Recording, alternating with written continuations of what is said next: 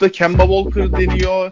Kyrie Irving deniyor. Takım sahipleri olduğunu açıkçası. Biraz daha yönetimsel kaynaklı olduğunu yine düşünüyorum burada da. Yani verimliliği yüksek bir oyuncu. Karakter olarak doğru bir oyuncu. Mesela sezon içerisinde yaptıkları James Ennis takası Sixers'la direkt olarak bunun bir örneğiydi. Kemba Walker'ı bu arada bunun içine katabiliriz. Yani orada 3 tane All-Star e, free guard var. Öncelik vermesi gereken konu Joel Embiid'in yediği kim olacak? Merhabalar Proses Podcast dinleyicileri. Ben Fırat Tepili. Yasin Özdemir ile beraber yine sizlerleyiz. Bugün de bir sürprizimiz, bir konumuz var. Kaan Kural bizlerle. Abi hoş geldin. Hoş bulduk. Ee, Yasin sen de hoş geldin abi. Merhaba Fırat. Ee, bu korona günlerinde Kaan abi bize vakit ayırdığın için teşekkür ederiz öncelikle. Ee, hayat nasıl gidiyor abi şu anda? Evde, ev yaşamı nasıl gidiyor? abi klasik işte e, herkes gibi bizim de kısıtlamalar var. Evden hemen hemen hiç çıkmıyoruz. Haftanın yani haftanın en önemli aktivitesi markete gitmek. Ee, evde hanımla kızla birbirimizi yememek için duruyoruz.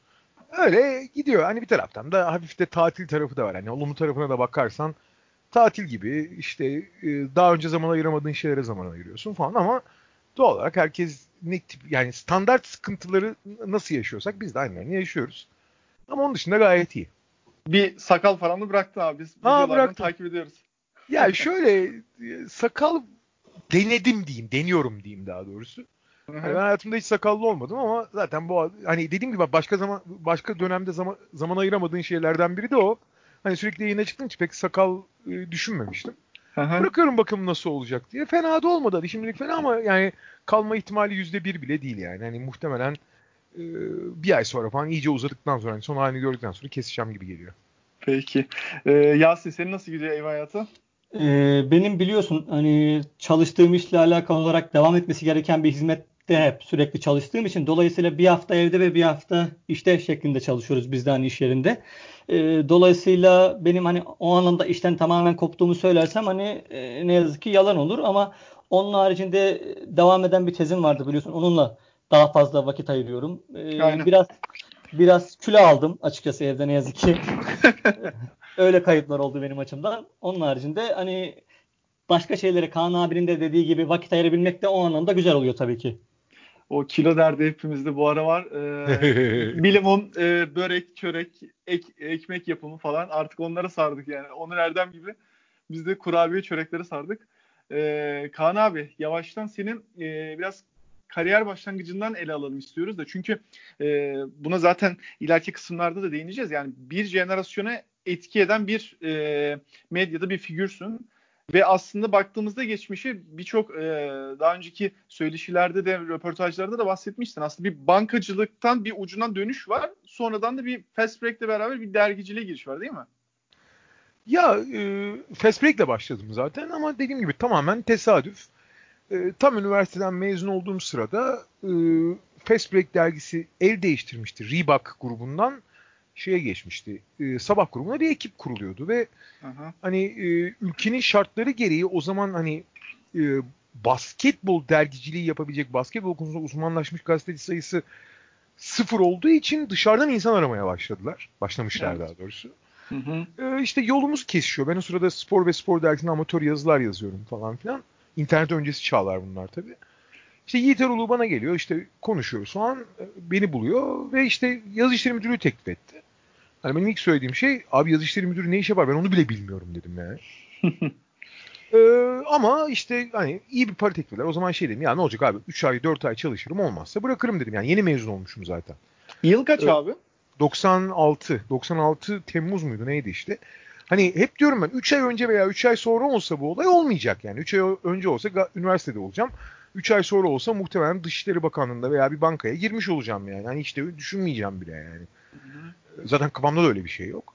Ama giriş o giriş işte. Yani Fast Break'le başladık. Oradan sonra da hani aradaki bir e, film şeyi dışında devam etti. Yıl kaç işte 96'dan itibaren 24 yıl devam etti. Arada 2 yıl yok işte. 22 yıldır devam ediyor. Slam dergisi var. Arada e, yazıhaneden var. Orada hatta kitabınız da çıkmıştı. E, ve şu anda da Sokrates ekibiyle yürüyorsun abi. E, gayet de keyifli. E, buradan takip ettim. Çünkü şunu fark edebiliyoruz. Yani hani e, bir mecrayı burada işte spor, basketbol ele alıyoruz. Çok takip etmek de karşındakine doğru bir e, hem diksiyonla hem de kelimelerle anlatabilmek kolay değil. Hani bunu yıllar içinde çok e, senin tarafında çok rahatlıkla karşılayabildik. Bizim jenerasyon için ondan dolayı yani biraz böyle e, güzel bir figürsün abi. Bunda hani podcast'in de ileriki kısımlarına da zaten değineceğiz dediğim gibi. Ee, ve sonrasında da bir şey kuşağı var. Burada Yasin'le birkaç yorum alacağım. Bir NBA Studio kuşağı var. Değil mi? var var var var. 2003'te başladı sanırım. Hatamız yoksa. Yok. Ee, aslında şöyle 2000 2000 2000-2001 sezonunda NTV yayınları aldıktan sonra başladı o.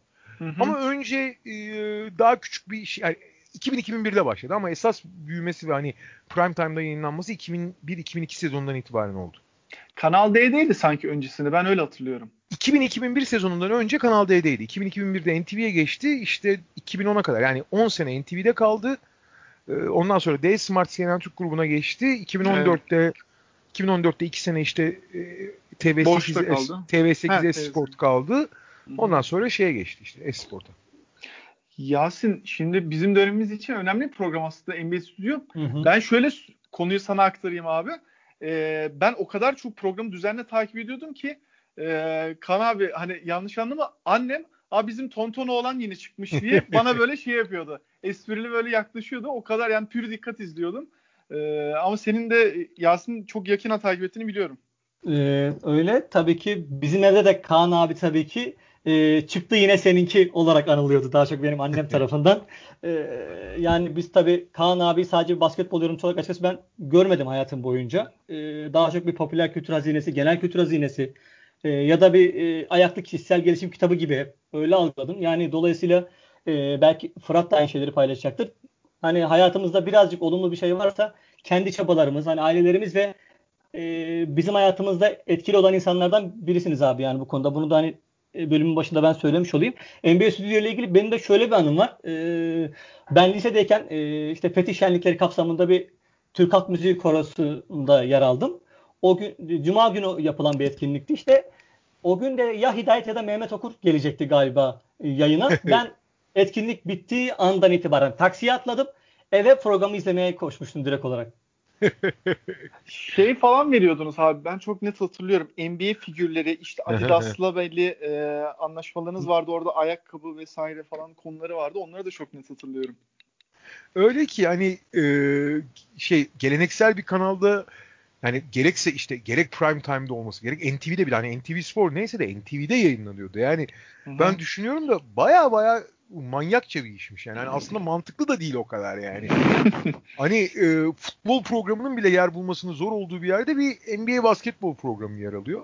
Ve ne bileyim hani o kadar büyük kitleye hitap eden bir kanalda prime time'da yayınlanan bir şeyde de gidip öyle tuhaf yani basit demek lazım. Hediyeler vermek de ama onun o, o işte şeyi sıcaklığı bir de şey vardı yani NBA olmasından dolayı e, bizim de biraz yaklaşımımızdan dolayı biz böyle e, daha modern yani şu andaki YouTube kanallarının yaptığına benzer e, programlar yapıyorduk. Çünkü ilk zamanları düşünürsen 2000-2001'leri falan o zaman işte o TRT ekolünden televizyonda bir program son derece ciddi olmalıdır işte e, didaktik evet. ak- akademik ve didaktik olmalıdır gibiydi. E, hani sonuçta futbol programları bile öyleydi o zamanlar. Yani bu beyaz futbolların falan çok öncesinden bahsediyorum. Hı hı hı. E, ama biz tabii NBA olduğu için hani NBA'de eğlence üzerine kurulu olduğu için bir de bizim tarzımızda çok farklı gelmişti insanlara. E, gerçekten o zaman da bir tabii internetin daha yeni yeni ilk dönemleri yani 95-2000 evet. arasında yani fiberler falan daha yok hala daha çevirmeli ağlar var falan. Ee, o yüzden de hani bilgiye ulaşmak açısından da bir şeydi e, ne derler bir referanstı. E stil de farklıydı falan. Bu tabii çok insanları cezbetti. Özellikle genç nesil prime time'da böyle bir şey gördüğü zaman da çok sahiplendi. Ee, biz de elimizden geleni yaptık e, açıkçası. Hani bu arada çok teşekkür ederim Yasin'e de sözleri için. Hani benim yaptığım iş abi sonuçta biraz rehberliğe bir tur rehberliğine benziyor be abi. Hani e, sonuçta iyi bir gezi yapar işte Ayasofya'yı gezersin ya da ne bileyim iyi bir yaz tatiline gidersin. Hani iyi bir rehberin varsa ona biraz ne derler onu biraz daha renklendirir, biraz daha şey yapar, e, keyifli hale getirmeye çalışır. Ama Hı-hı. sonuçta işin kendisidir. Yani Ayasofya'nın kendisidir. Tatilin kendisidir önemli olan. Hani rehber biraz işin baharatı gibi yani. O konuda biraz o deneyimi zenginleştirebildiysek ne mutlu bize. Ama orada tabii e, içeriğiniz de çok doluydu abi. Yani inenler çıkanlar vardı. e, işte zaten ben mesela şey programı çok net hatırlıyorum. Yani Kobe'nin 81 attığı programı e, o yaptığınız yorumda. Bu arada hani dinleyenlerin de aklında bulunsun. YouTube'da hala o kısım var. Hani e, izlememiş olanlar da bakabilirler. O program mesela çok net hatırlıyorum. O senin yüzündeki hala şok ifadesi. Yani ne izledik ya biz bakışın hala gözümün önünde. Ne izledik abi biz ya? Ama hakikaten öyleydi yani. 80 bir sayı atılmamalı şeklinde diyor. Bir de abi o maçı canlı anlattık bir de biz. Yani Evet. ve tamamen denk gelme hikayesi o. Yoksa çünkü denk yani e, haftada bir tane yani her akşam bir maç yayınlanıyor ama hangi maçın verileceği çok belli değil. Sana geleceği belli değil. Başkasına anlatıyor. Bayağı şok olmuştuk yani. Ee, güzel bir anıydı doğru diyorsun. Şimdi buradan biraz şeye geçeceğim abi. Sizin podcast kısmına geçeceğim. Yani senin biraz medyadaki konumun da şu anda bahsettiğimiz NBA Stüdyo'da biraz öyle aslında. Biraz bir öncü rolün var. Yani şu anda ülkede Twitter nedir bilme, bilinmediği zamanda bile sen orada e, spor medyacılığı yapıyordun. Yani yorumlar yapıyordun, bilgiler paylaşıyordun ve insanlar sokaktaki adam mesela şu an herkes Twitter nedir biliyor. Ama o zamanlar daha kimse bilmiyordu ve sen yapıyordun abi bu işi. E, baktığınızda şu anda podcast nedir? Hemen hemen yani kulaktan doğma da olsa insanlarda bir bilgi var. Yani biz de şu anda mesela Yasin'le ki ben İzmir'de oturuyorum, Yasin İstanbul'da oturuyor. 3 sezondur yapıyoruz. Ama burada baktığımızda siz 10 yıl öncesinde yani o zamanki vizyonda podcast'i yapmaya başladınız.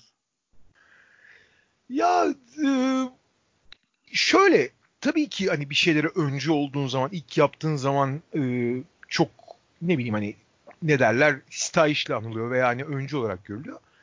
Ama biraz da şans bu işler be abi. Hani e, öyle çok büyük vizyonlarla abi gelecek buna ait olacak işte bi- biz bu yolu keşfettik ben herkesten ileri görüşlüyüm falan hani o kadar öyle bir şey de yok. Hani şeyin hikayesi işte Twitter'a giriş hikayem ben mesela Twitter'ın ne olduğunu biliyorum. Murat Kosova bana göstermişti zamanında. Şimdi kendisi Twitter'da hiç yok ama Twitter'ı ilk o göstermişti bana. Ee, işte 2009'du yanılmıyorsam. İşte Twitter'dan o zaman Twitter'ın emekleme ötesi çağları falan. Evet. Bana da tuhaf gelmişti. Yani mikroblog diye çıkmıştı. Hatırlar mısın bilmiyorum. Mikroblog. Yani Evet. bu, e, blog yerine mikroblog. Yani blogda uzun bir şey yazacağına burada o zaman 140 karakterdi. SMS kadardı yani. Hı hı. Ben de ulan hani bu blog falan değil ki buraya ancak şey yazılır hani e, text mesaj bir şey gibi bir şey yazılır. Text mesajlaşma falan gibi bir şey deyip hani çok da vakıf olmamıştım.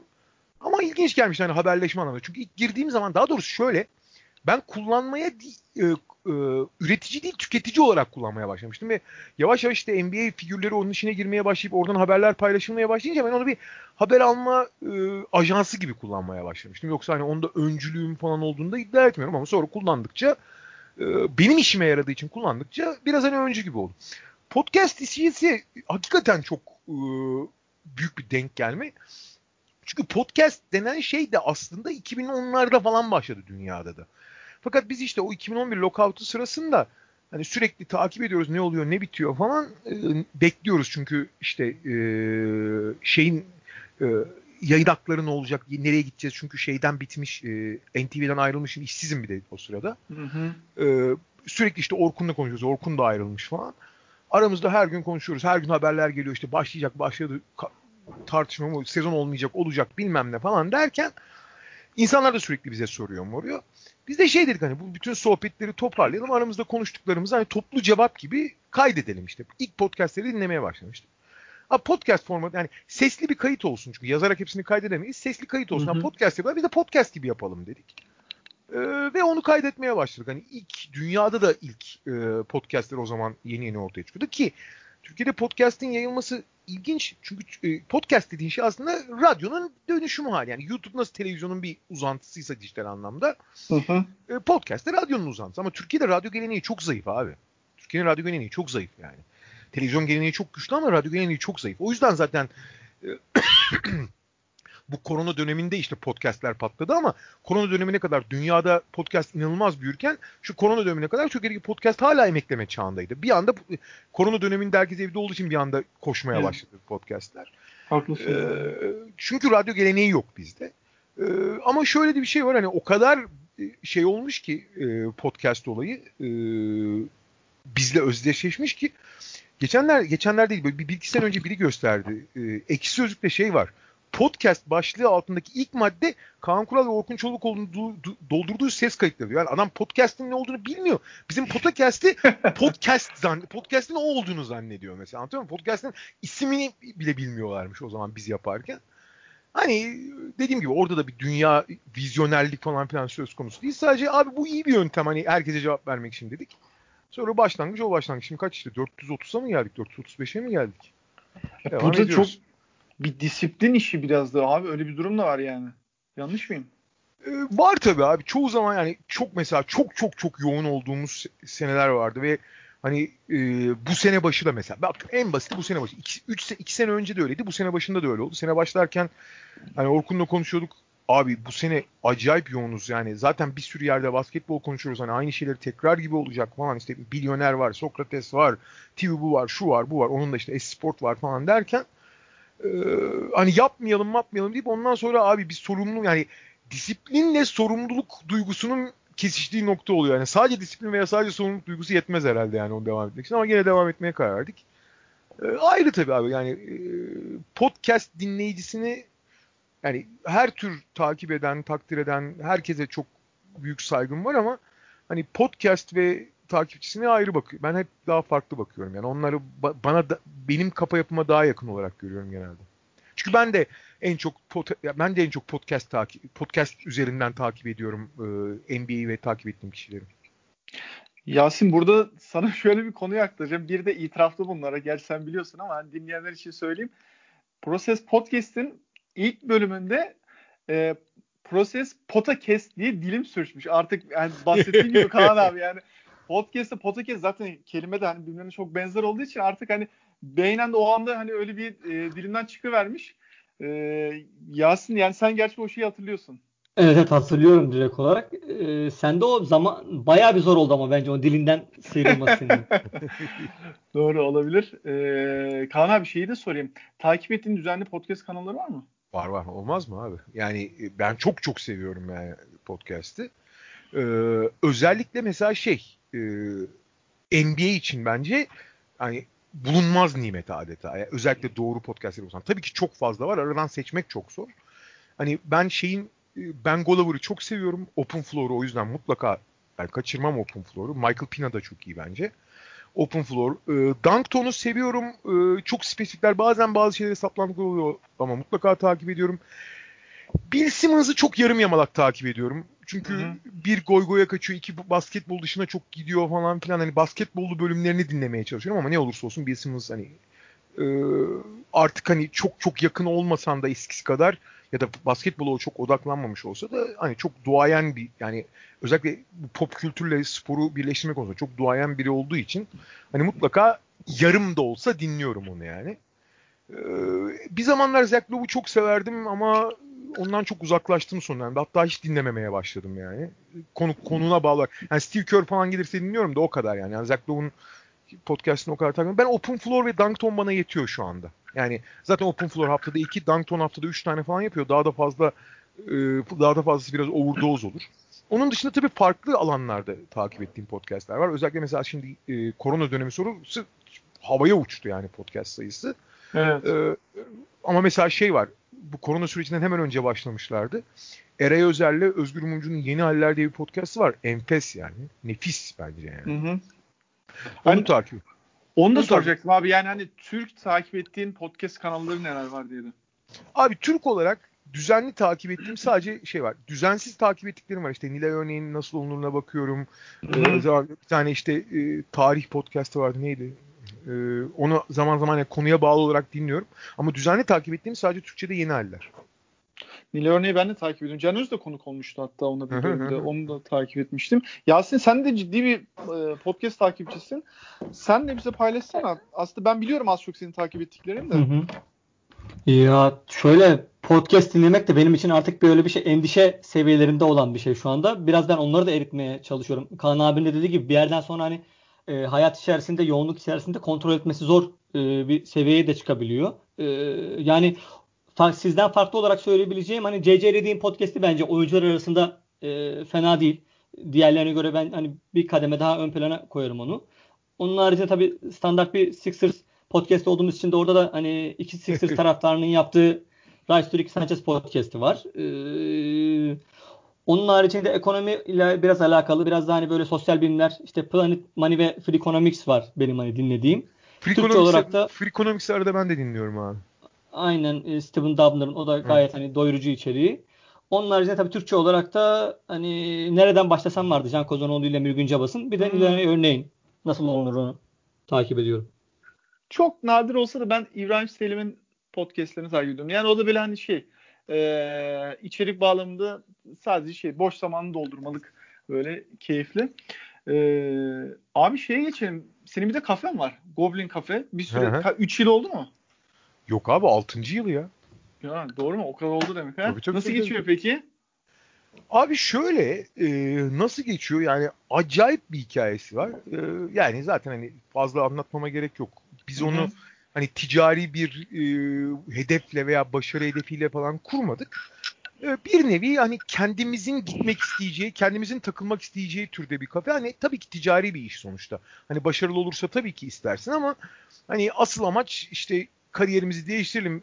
Abi bütün işleri bırakalım, kafe açalım değildi. O bizim e, bir, bir te- taraftan hayalimiz, bir taraftan hani e, kurmak istediğimiz, içinde bulunmak istediğimiz mekandı. Abi ilk 5 sene falan e, ne uzadı ne kısaldı. Ben hatta orta, benim bir ortağım var. Onunla birlikte yapıyoruz. Ben başında duramıyorum. O başında duruyor. Onur.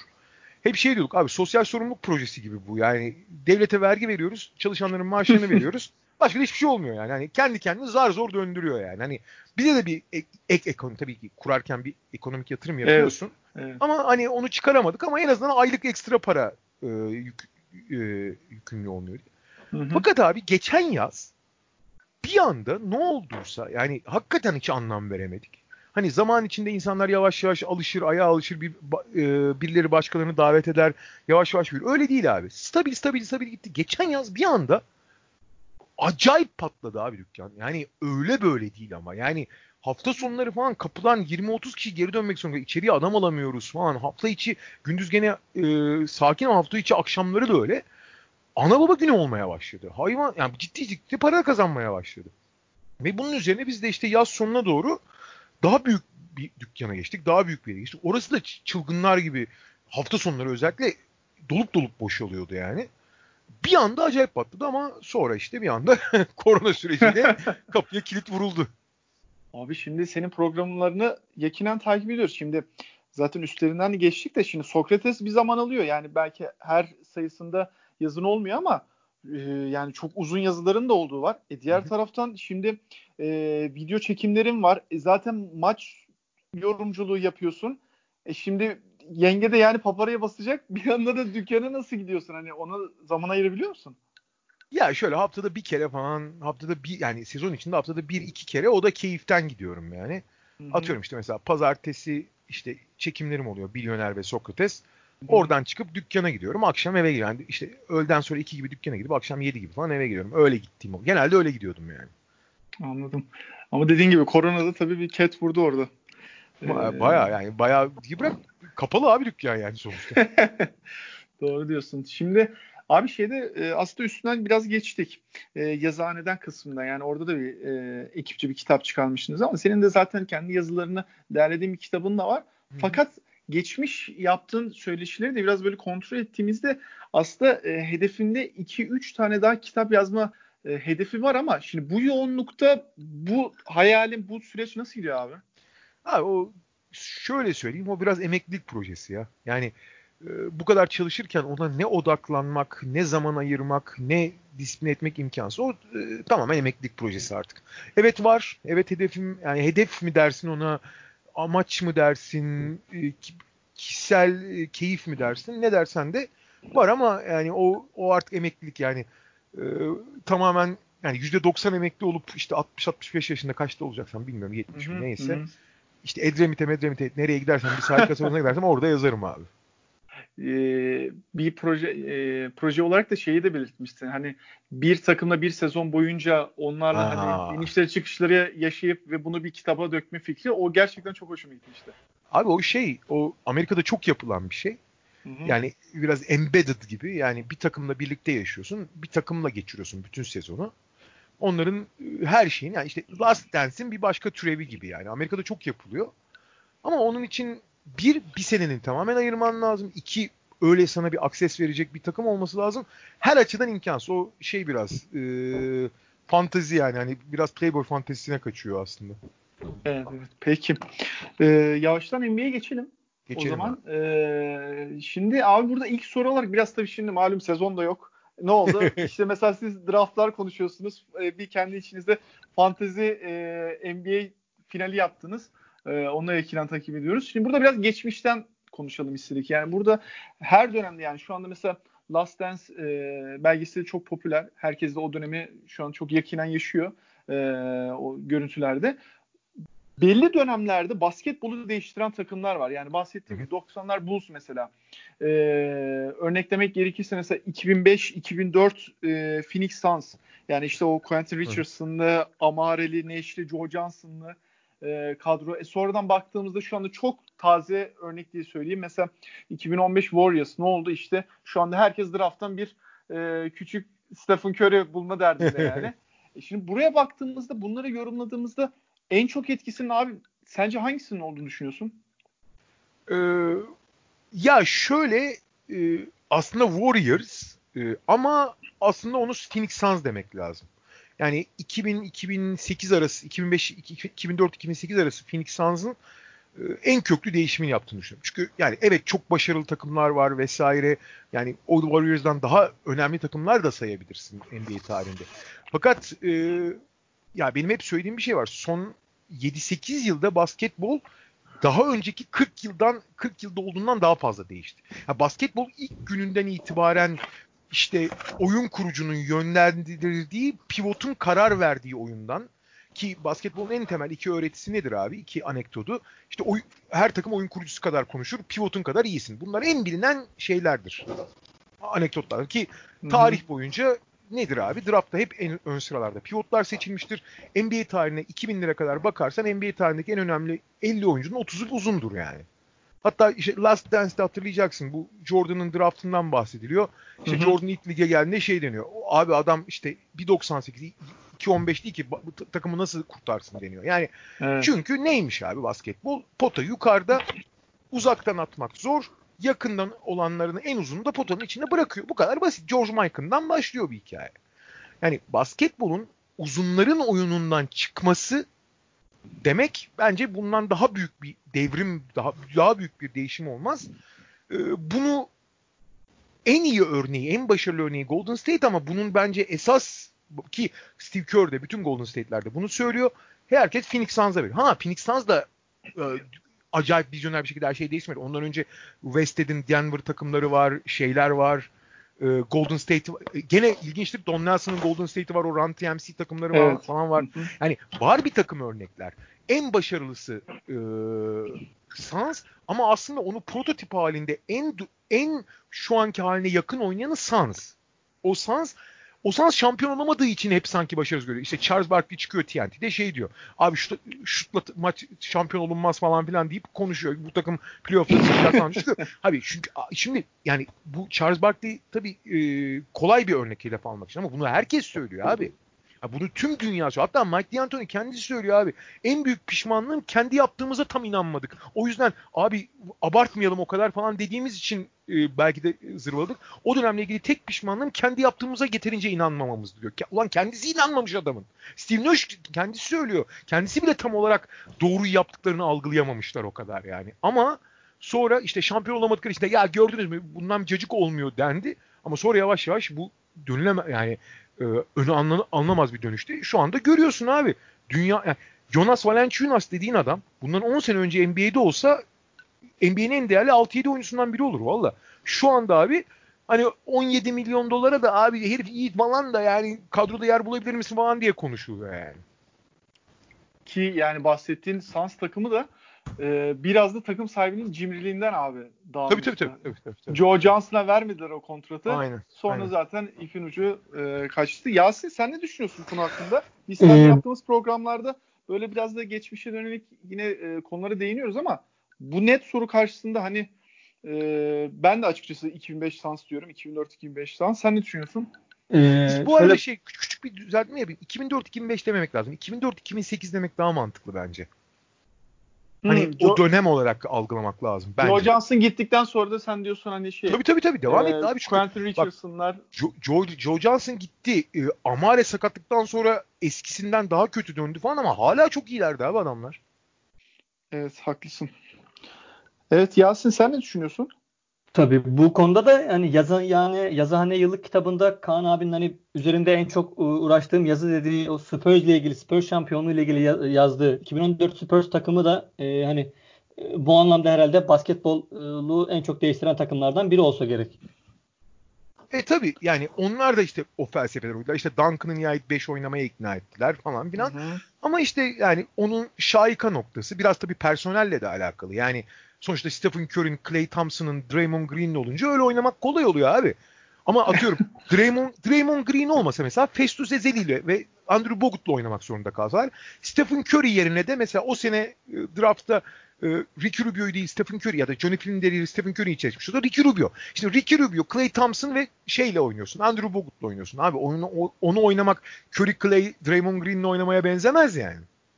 Tabii orada şey de var abi hatırlarsın.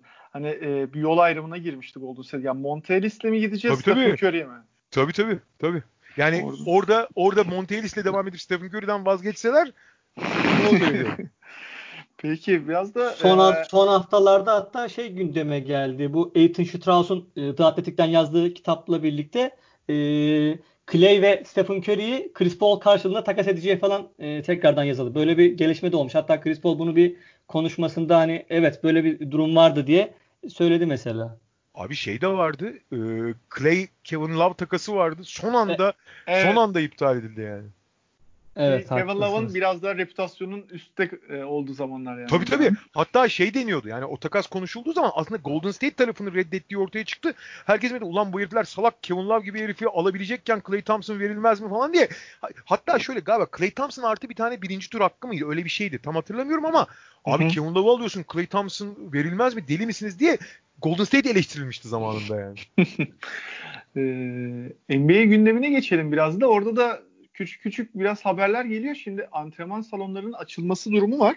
E, 8 Mayıs itibariyle e, 4 oyuncudan daha fazla aynı anda işte antrenman yapamayacaklar. E, bu belirlenen salonlar dışında da diğer noktalarda yani herhangi bir gym'de başka bir e, salonda yine keza şey antrenman organizasyonları yasak. Kaan abi sen sezonun oynanacağını düşünüyor musun? Valla ben bir 10 gün öncesine kadar düşünmüyordum ama e, ya şöyle demeçler de var abi. Los Angeles Belediye Başkanı 2021'e kadar bu şehirde konser veya spor organizasyonu beklemeyin dedi mesela. Ha onun dediği nihai söz değil yani.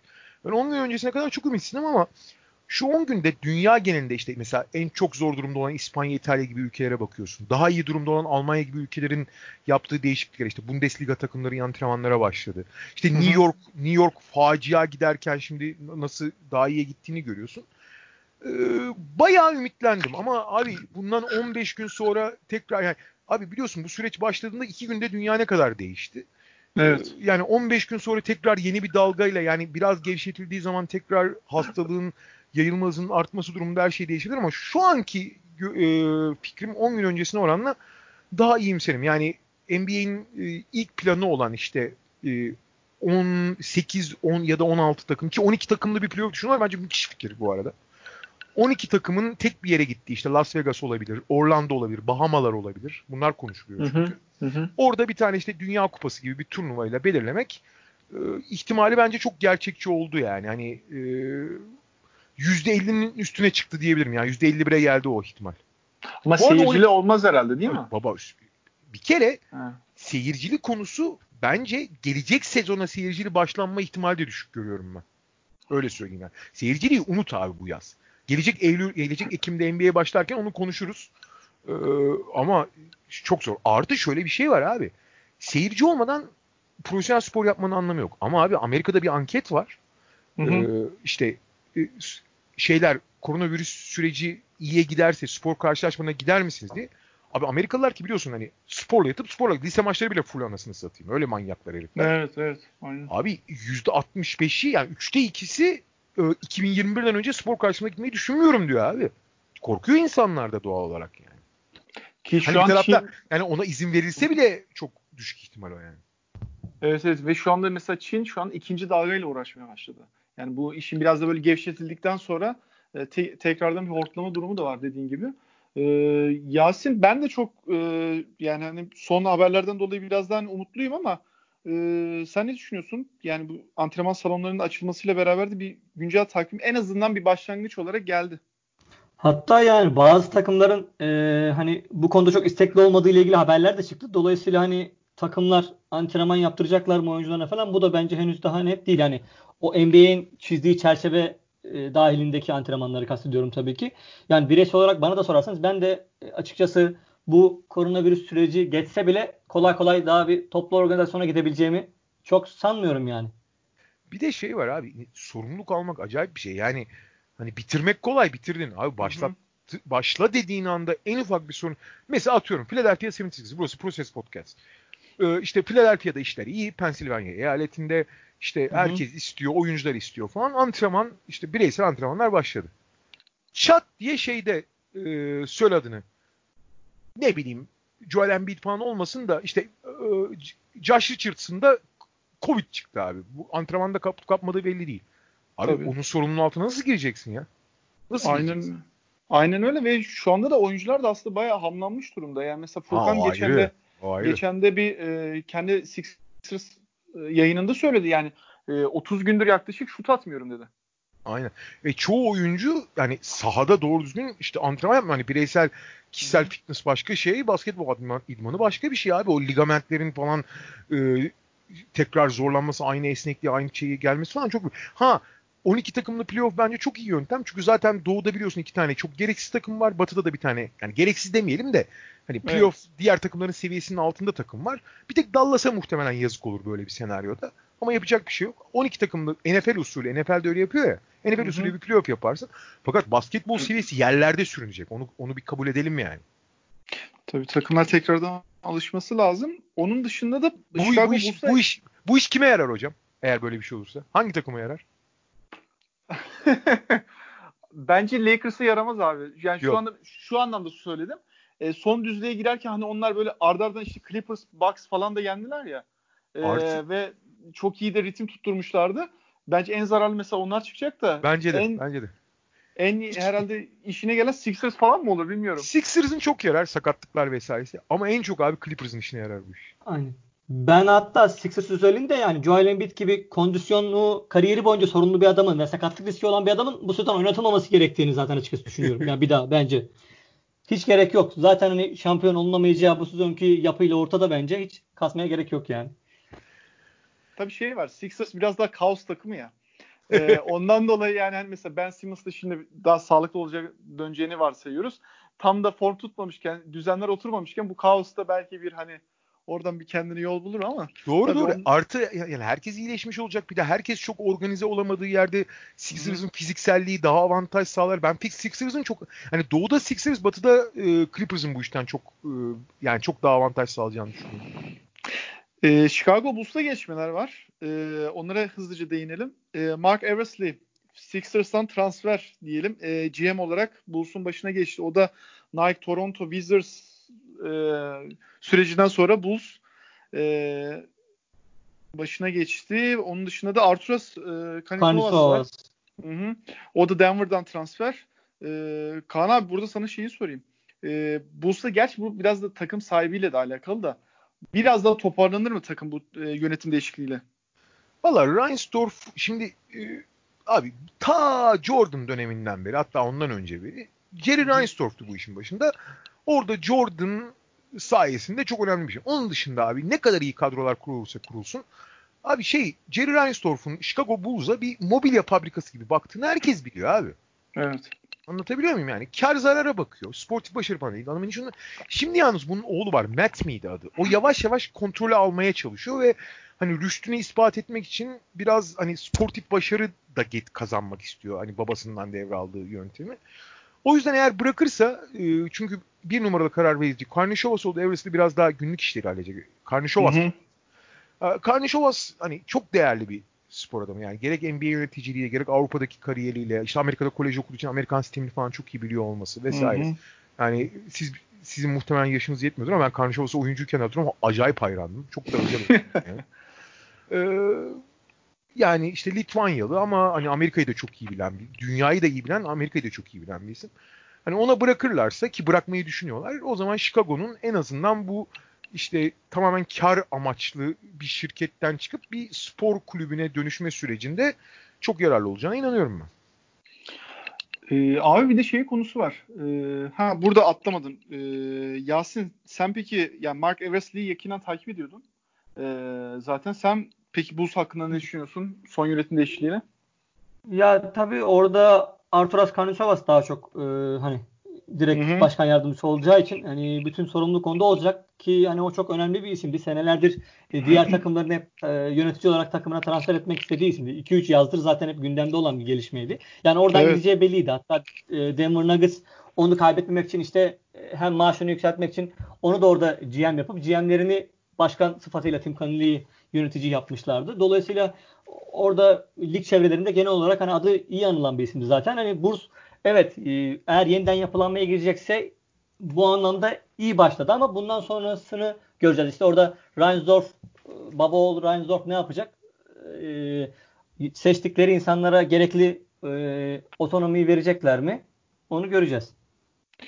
Ee, son olarak da bir Gobert, e, Donald Mitchell e, konusuna da değinelim istiyorum. Şimdi e, Covid-19'un zaten NBA kısmındaki ilk çıkış noktası Rudy Gobert'te yaşanmıştı da şimdi o noktadan sonra zaten öncesinde de yani Rudy Gobert ile Donald Mitchell arasındaki iletişimi, ilişkinin çok iyi olmadığına dair böyle medya yer yer şeyler geliyordu, haberler geliyordu ama Kaan abi sen bu özellikle hani bu gerginlikten sonra Covid-19'dan sonra e, hani bir takas belki çok uç nokta. Belki oraya kadar gitmez ama takım iç yapısını ne düşünüyorsun? Ee, abi siz başlayın isterseniz ya. Ben ondan sonra bir ekleme yapayım. Siz ne düşünüyorsunuz? Tamam. Ben bir hani takas beklemiyorum. Ee, hani Yasin'e topu öyle atayım. Ee, ama evet yani bu gerginliğin belli bir süre daha ben süreceğini düşünüyorum. Ya benim de anladığım açıkçası bu hani koronavirüs sadece için bir bahanesi. Bence zaten oradaki o iki ilişki çok sağlıklı bir ilişki değilmiş. Hani bu sadece bir tuz biber oldu gibi benim gördüğüm. Ben orada hani e, Utah Jazz ikisi arasında uzun vadede bir karar vermek zorunda kalabilir mi? Yani bence kalabilir. Yani ben takas senaryosu olabilir diyorum. Valla abi şimdi e, şöyle e, zaman bazı şeyleri örtedir. Artık Donovan Mitchell e, çok şey bir karakter. Çok simge bir karakter. Çok daha genç falan ama çok da aynı zamanda bağışlayıcı bir tipte. Yani e, bence e, işte Temmuz, Ağustos gibi ne zaman olursa Donovan Mitchell'la oturup konuşup bir anlaşma yani bir orta yol bulmaya çalışacaklar. Ama eğer olamaz yani şu ana gelen kadar gelen raporlar doğrultsa abi Rudy Gobert'i takas ederler. Yani direkt ederler. Çünkü hani hangisi daha değerli tartışmasına girersen bu e, kişiden kişiye çok değişir. Bence şahsen Rudy Gobert daha değerli ama Rudy Gobert şu ana kadar yaptığı hareketlerle, tavırlarla, uyumla, şehir içinde temsil ettikleriyle, yaşıyla vesaire falan yani Donovan Mitchell'la kıyaslanmaz bile. O yüzden anında çok teş- teşekkür edilip kendisiyle vedalaşılır yani. Ha sırf oyuncu olarak bakarsan ben Rudy Gobert'i tercih ederim. Yaşına rağmen tercih ederim. Ayrı konu ama yani Donovan Mitchell'ın genç olmasına rağmen ama diğer bütün faktörleri falan devreye soktuğun zaman e, Donovan Mitchell fersah fersah önde yani. E, kaldı ki yaş da çok önemli bu tip konularda hani üzerine yatırım yapacaksan. E, şu ana kadar gelen raporlar doğruysa da Rudy Gobert'in bu yaz gideceği adres de çok çok çok çok belirleyici olabilir. Mesela şöyle senaryolar konuşuluyor. E, Andrew Wiggins artı e, bu seneki draft hakkı işte ön sıralardan draft hakkı karşında Golden State mesela. O ciddi etki yapar. Çok ciddi yapar hmm. abi. Ya ben burada şundan dolayı demiştim hani takas bence olmayacağı şu bağlamda demiştim. Hani Utah Jazz biraz da böyle hani e, oyuncu ilişkilerinde e, iyi yönetilen bir kulüp olduğu Öyle. için hani o a, ara yolu, orta yolu bir şekilde bulurlar bağlamında demiştim. Vallahi şöyle söyleyeyim abi. Eğer bulunamıyorsa da zorlamazlar ama. Babacım geçineceksiniz demezler. Yani Philadelphia'nın yaptığı gibi yapmaz onlar yani. Olmuyorsa en ufak bir rahatsızlık varsa tamam abi yani e, insanlar huzursuz olacağına keselim bağı derler. Çünkü hani hep Salt Lake City'nin çok özel bir konum var. Oyuncular zaten yani tüm NBA'deki 30 şehir içinde en gidilmek istemeyen şehir. Çünkü yani Mormon şehri yani zen, siyahların özellikle hiç barınmasının kolay olmadığı yani e, kendilerine ait hissetmedikleri bir yer. O yüzden onlar takım içinde çok büyük bir ahenk yakalamak zorundalar. Onun en ufak bir şekilde e, tehdit edilmesine izin vermez Utah yani. Yani Jerry Stone'la bile böyle çok tatsız ayrılmışlardı sırf zaten o ilişkiler. Hani birazcık iş toksikliğe vardığı an bence Utah orada hani neşteri vuracaktır ve e, işte Donovan Mitchell'ın daha genç olması sizin de dediğiniz gibi ve hani küçük market takımının daha pazarlanabilir bir karakter olduğu için ben e, Donovan Mitchell'ın tercihlerini Donovan Mitchell'dan yana kullanacaklar bence garanti gibi neredeyse. Yani bir uzun süreli bir sakatlık olmayacaksa kariyerinde kesin, şu anda. Kesin, kesin. Biraz Sixers konuşalım o zaman. Yavaş yavaştan Sixers'a geçeyim. Ee, Kaan abi senin biz yazılı bulamadık. Bu muhtemelen e, sözlü bir yerde yapılmış bir yorumdu ama Allen Iverson için overrated yorumun var. Var. Ee, bunu biraz açmanı rica edeceğim. Çünkü e, hani şey var ya Sixers tayfa Türkiye'deki. Tabii bizim için hani Allen Iverson figürü daha başka. Biz tamamen subjektif bakıyoruz bu arada. Kesinlikle hani çok da samimi konuşayım seninle. Ee, ama sonuçta da hani istatistikleri de yani kağıdı da ortaya koyduğumuzda tamamen verimsiz bir hücum oyuncusu olduğu gerçeği değiştirmiyor. Ee, tamamen verimsiz demek belki biraz abartı olabilir. Çünkü onun oynadığı takımlar ve onun oynadığı rolü düşünürsen zaten hani daha verimli oynay- oynayan oyuncularla kıyaslamak çok doğru değil.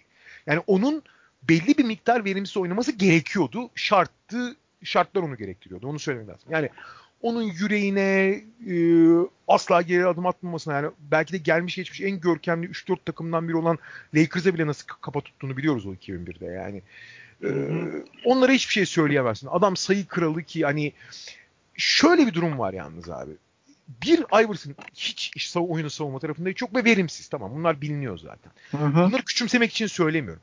Sorun şu ki Iverson'ın temsil ettiği isyankar işte NBA yönetimine, işte Lakers'a veya Batı'nın o, o sırada Doğu'nun güçlü takımlarına karşı olan temsil ettiği asla geri adım atmayan hali e, yepyeni bir kültür ikonu olması. Yani NBA tarihinde kültürel olarak en büyük yani dedik ya biraz evvel Phoenix en büyük basketbol kültürel olarak en, en büyük etkiyi yaratan oyuncu oyuncular dersen Iverson ilk beştedir o hiç tartışılmaz yani.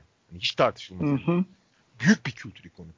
Fakat bütün bunlar işte bir de hani zayıf ve ufak tepek olduğu için ama Michael Jordan'a bile ilk o çaylak yıllarında ünlü crossover'la falan kafa tutan adamla e, o ufak tepekle dev adamların arasındaki ufak çocuk muamelesiyle falan yaptıkları da biraz abartıyor. Overrated o açıdan söylüyorum. Overrated demek abi bu adam ortalama bir oyuncu onu çok bir bok yapıyorsunuz demek değildir.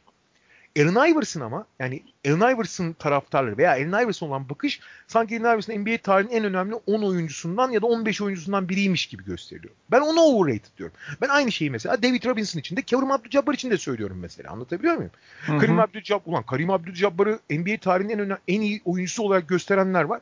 Ben öyle olmadığını düşünüyorum. Karim Abdul-Jabbar'ı en iyi ihtimalle 8'i 10'a koyarım diyorum. Oynadığı dönemde ilk Milwaukee dönemi hariç oyuna ağırlık koymuyordu. Tamam büyük oyuncu ama oyuna ağırlık koymak başka bir şeydir yani. O yüzden. David Robinson için de söylüyorum mesela. Anlatabiliyor muyum? Iverson'ın durumu da biraz ona benziyor. Iverson NBA'nin önemli kültür ikonlarından biri midir? Evet ama NBA'nin en büyük oyuncuları dersen hani performans yani basketbol anlamında konuşuyorsak gerek verim yani verim düşüklüğüyle diyelim. Verimsizliği demek çok doğru bir tabir değil.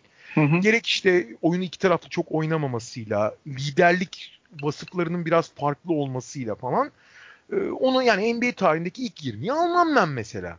Ha bu Iverson'ı küçültmez. Yani bir sıralama yapsam ne bileyim 35 mi olur 33 mi olur bilmiyorum. Hani yapmadım öyle bir sıralama ama hı hı. hani ilk 20'yi almamış olmak demek onu küçümsemek falan değil. Sadece genel olarak insanların algısından algısı kadar iyi bir oyuncu olmadığını söylüyorum ben. Mesela dedim ki David Robinson diyorum, Karim Abdul-Jabbar diyorum, Dwayne Wade için de söylüyorum mesela onu ben.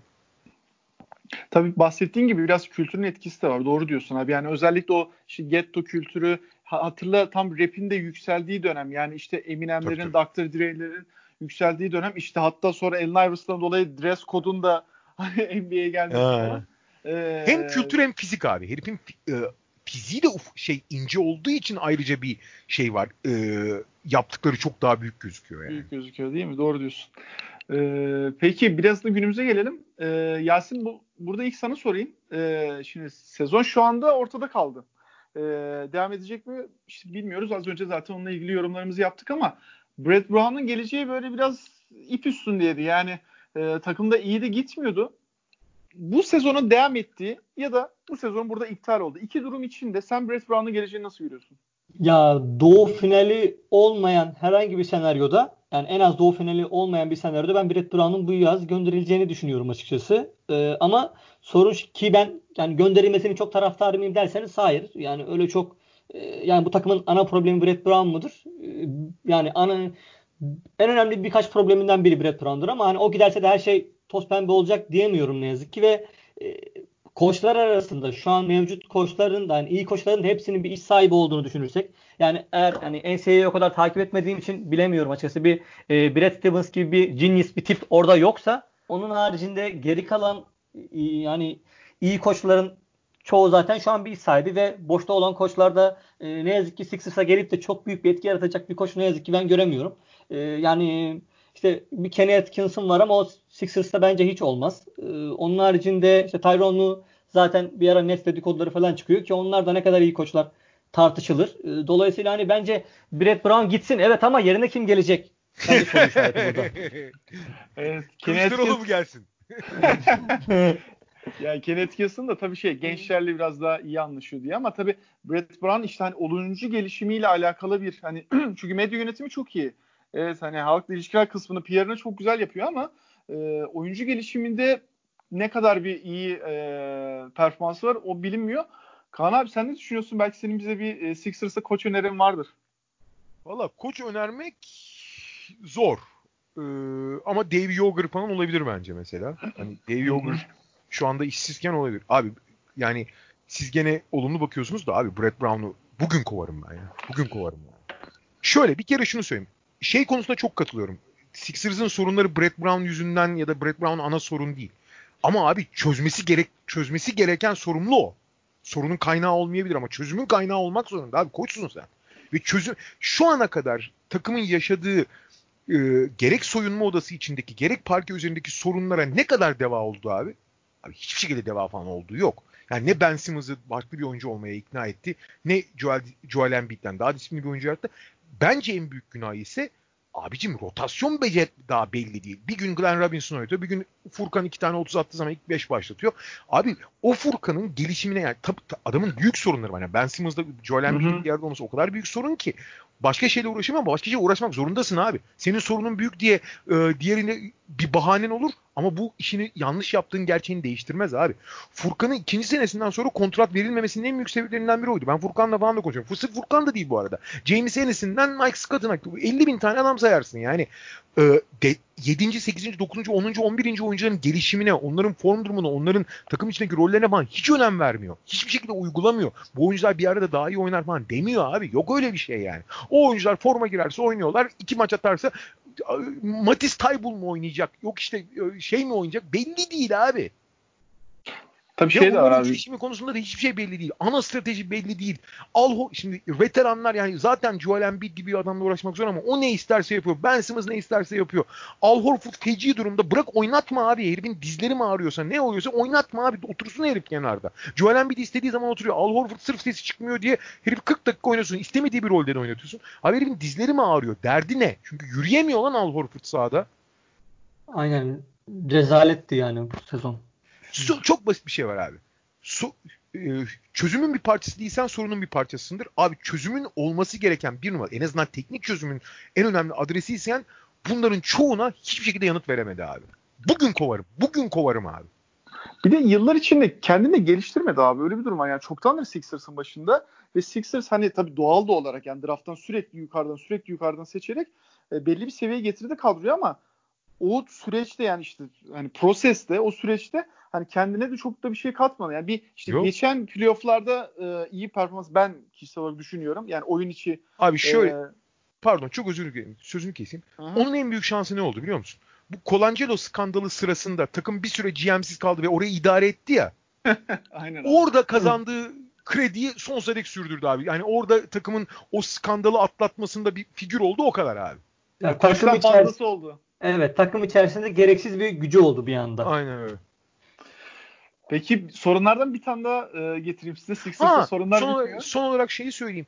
Belki de Aha. en en yani tüm NBA'deki en zor görev onun. Ama abi görevi zor diye abi yazık adamcağıza denmez. Kusura bakma abi. O, o görevi yapacak adam yapsın o zaman. Senin görevin zor diye bir şey diyemeyiz sana yani. Ha ulan Brad Stevens Brad Stevens diyoruz. Bence NBA'in en değerli 2-3 koçundan biri. Bazılarına göre bir Abi onu da bir Kyrie'nin neler yaptığını gördük. Herifin hayatından 5 yıl götürdü yani. hani bazı oyuncular da var hani Brad Stevens da olsan, Greg Popovich de olsan olmuyor yani. Hani o Kyrie Mayri gibi Allah korusun yani. Kenny Atkinson uç, topukladı kaçtı abi. Kaçtı aynen. Bir oyuncu e, vardı. O oyunculardan biraz bahsedelim abi. Şimdi biz e, Sixers tabii e, çatıyı iki ana figür üzerine kurdu şu anda yani. Embiid ve Ben Simmons. Fakat bunların sağ içindeki şu anda uyumu hani gözle zaten hani hiç basketbol bilmeyen birine bile bugün maçı izlesen ya bir gariplik var sanki buna diye yorum yapabiliyor. Burada iki yol var. Ee, bu iki oyuncunun yanına hangi tip oyuncuları e, koyardın? İkinci soruda bu e, uyumu ayırıp takas eder miydin? Abi şöyle daha zor olan takas etmek. Çünkü ne Embiid için ne Simmons için tam karşılığını almak çok zor takas piyasası. Ama sabah akşam, sabah akşam, sabah akşam takas için çalışırım abi. Ne olacak bir fırsat gelir. Bir James Harden fırsatı olduğu gibi. Başka bir bir takımda huzursuzluk olur. Bir takım gelecek için bir yatırım yapıyordu falan. Bulursun. Bradley Beal'ı koparabilirsin. Bir şey olur yani. Sonuna kadar. Çünkü abi etrafına ne kadar uygun parçaları da eklersen ekle e, o ikisinin uyum sorunu temel problem olacak ve onların yarattığı boşlukları doldurmak için çalışacaksın ve bunları tamamen doldursan bile esnekliğin olmayacak abi. Ben hep eskiden biliyorsunuz, takip ediyorsunuzdur. NBA'nin en rigid takımı diyordum. Hiç esnekliği yok diye. Yani o ikisi olduğu sürece en ideal parçaları eklesen bile takımın esnekliği hiç olamaz abi o ikisi. O yüzden bu ikisini ayırmak lazım. Olmuyor. Peki, şey olmaz mı? Ee, şu hidayetli Orlando'yu hatırlarsın. Meşhur Dwight Howard 4 şutör. Yani burada da bir 3 şutörle çevirip olabildiğince hani alanı açma. Çünkü e, şimdi Abi şöyle... dediğim gibi çok değerli. Posta sana her zaman için sayı getirir. Ben Simmons da şu anda hani o fizikte, o e, oyun IQ'sunda e, haklısın şey yok, şutu yok ama yani o da çok değerli parça ya. Abi ikisi de çok değerli parça. Niye dedim zaten çok zor? Onların karşılığını alamazsın. Çünkü NBA'de en değerli 10-15 oyuncudan iki tanesinden bahsediyorsun sen. Fakat yan yana olmuyorlar abi. Şu açıdan olmuyorlar. E, hidayet zamanı diyorsun. Abi senin bahsettiğin 2008-2010. Abi şu Hı-hı. devirde sahada birden fazla şut atamayan oyuncuyu tutamıyorsun abi. O zaman ne oluyor? Ben Simmons'ın savunmacısı gidip yardım getiriyor. Joel Embiid'i boğuluyor. Her şütörlerin başında duruyor. Joel Embiid'i boğuluyorlar. Ben Simmons hiçbir işe yaramamaya başlıyor. Geçen sene takımın hatırlıyorsun playoff'ta görece başarılı olduğu dönemde ne oldu? Adamı e, screen ro- screen and roll oynattın yani. Jimmy Butler Aynen. Mecburen yani. Dunker spot'ta Aynen. Kullandılar. Ya, aynen öyle. O yüzden abi bu iş yani bu olmayacak duaya amin demek. Daha doğrusu olmayacak duaya demeyelim. O kadar o kadar yetenekli oyuncular ki zaten oldukça da başarılılar bir arada yani. On, fakat optimize edemezsin asla bunu. İyi olursun, çok iyi olursun. Denk getirir belki şampiyon bile olabilirsin herkes sorun yaşarsa. Ama optimum değil bu yani. Optimuma gitmek için o ikisini ayırman gerekiyor abi. Bu kadar basit. Yasin sen ne düşünüyorsun? Var mı Kaan abi ekleyeceğim bir nokta, değineceğim bir kısım? Yani şöyle bu ikisinin uyuma açısından baktığımızda yani takım CCR'deki bile arıyor bence e, hücumun akışkanlığı anlamında. Dolayısıyla e, daha fazla bir şey söylemeye bence gerek yok. Evet orada da haklısınız. Ben de hak veriyorum da işte hani takas tabii şimdi e, gözden çıkarmak dediğin gibi abi çok değerli oyuncular olduğu için kolay değil. E, bakalım neler olacak o kısımda da. E, peki yavaştan toparlayalım o zaman. Tamam e, Kaan abi bitirmeden şeyi de sana sorayım ya. Sor. E, aktif oyuncular içinde medya kariyeri yani bugün emekli olsa sence en e, iyi olabilecek isimler kimler? Yasin mesela bahsetmişti program başında. C.C. Redick'ten mesela. Aa Redick ee, çok iyi olur. Spencer Dinwiddie falan da böyle çok hani medya zekası yüksek gibi duruyor örneğin. Yani ama Dinwiddie biraz şey ya e, geyikçi yani. Hani o kendini ne kadar ifade ediyor falan. C.C. kendini çok güzel ifade ediyor abi. Hı. O yüzden Redick olur. Ben şeyin de çok iyi olacağını düşünüyorum. Curry de o konuda çok iyi abi. Hı, evet. Curry de çok iyi abi. Çok CJ iyi. McCollum belki. Aa evet CJ McCollum kesinlikle hmm. CJ McCollum.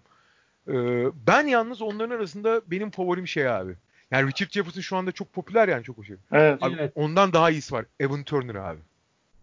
Hmm. Evan, Evan Turner'ın hem kendini ifade edecek şekli hem keskin zekası hem espri yeteneği rakipsiz. Evan Turner e, yani oyuncu olarak çok çok eleştirildi haklı olarak ama e, yani yorumculuk tarihine güneş gibi doğabilir abi bıraktığı zaman. O da Sixers camiası için bir acıdır tabii yani şu anda. Evet, maalesef. Ee, peki Yasin var mı ekleyeceğim bir şey? Yok. Teşekkür ederim ben sana. Kaan abi teşekkür ediyoruz. Ağzına ne sağlık. Ee, vakit ayırdığımızda bizim için çok keyifli, çok e, hoş bir yayın oldu. Ee, tekrardan katıldığın için çok teşekkür ediyorum. Ben teşekkür ederim davet ettiğiniz için. Yasin'cim ağzına sağlık. Sana da teşekkür ederim. Ben de teşekkür ederim. Kaan abiye tabii ki ayrıca teşekkür ediyoruz. Bizi evet. kırmadı. Peki ben Fırat Tepeli, Yasin Özlem'le beraber bugün Kaan Kural'ı ağırladık. Bayağı da bir şey konuştuk. Korona günleri konuştuk. Ee, Kaan abinin kariyer e, yolculuğunu konuştuk. Ee, onun dışında da hem güncel NBA hem de bir e, Sixers e, ve biraz da basketbolu değiştiren takımlar üzerine konuştuk. Biz dinlediğiniz için teşekkür ederim. Görüşmek Bu üzere. Şey, Hoşçakalın. Bu Bu Iverson, Iverson bölümlerini kesiyoruz değil mi ha? Ona göre. Peki. Hoşçakalın. İyi günler. İyi günler.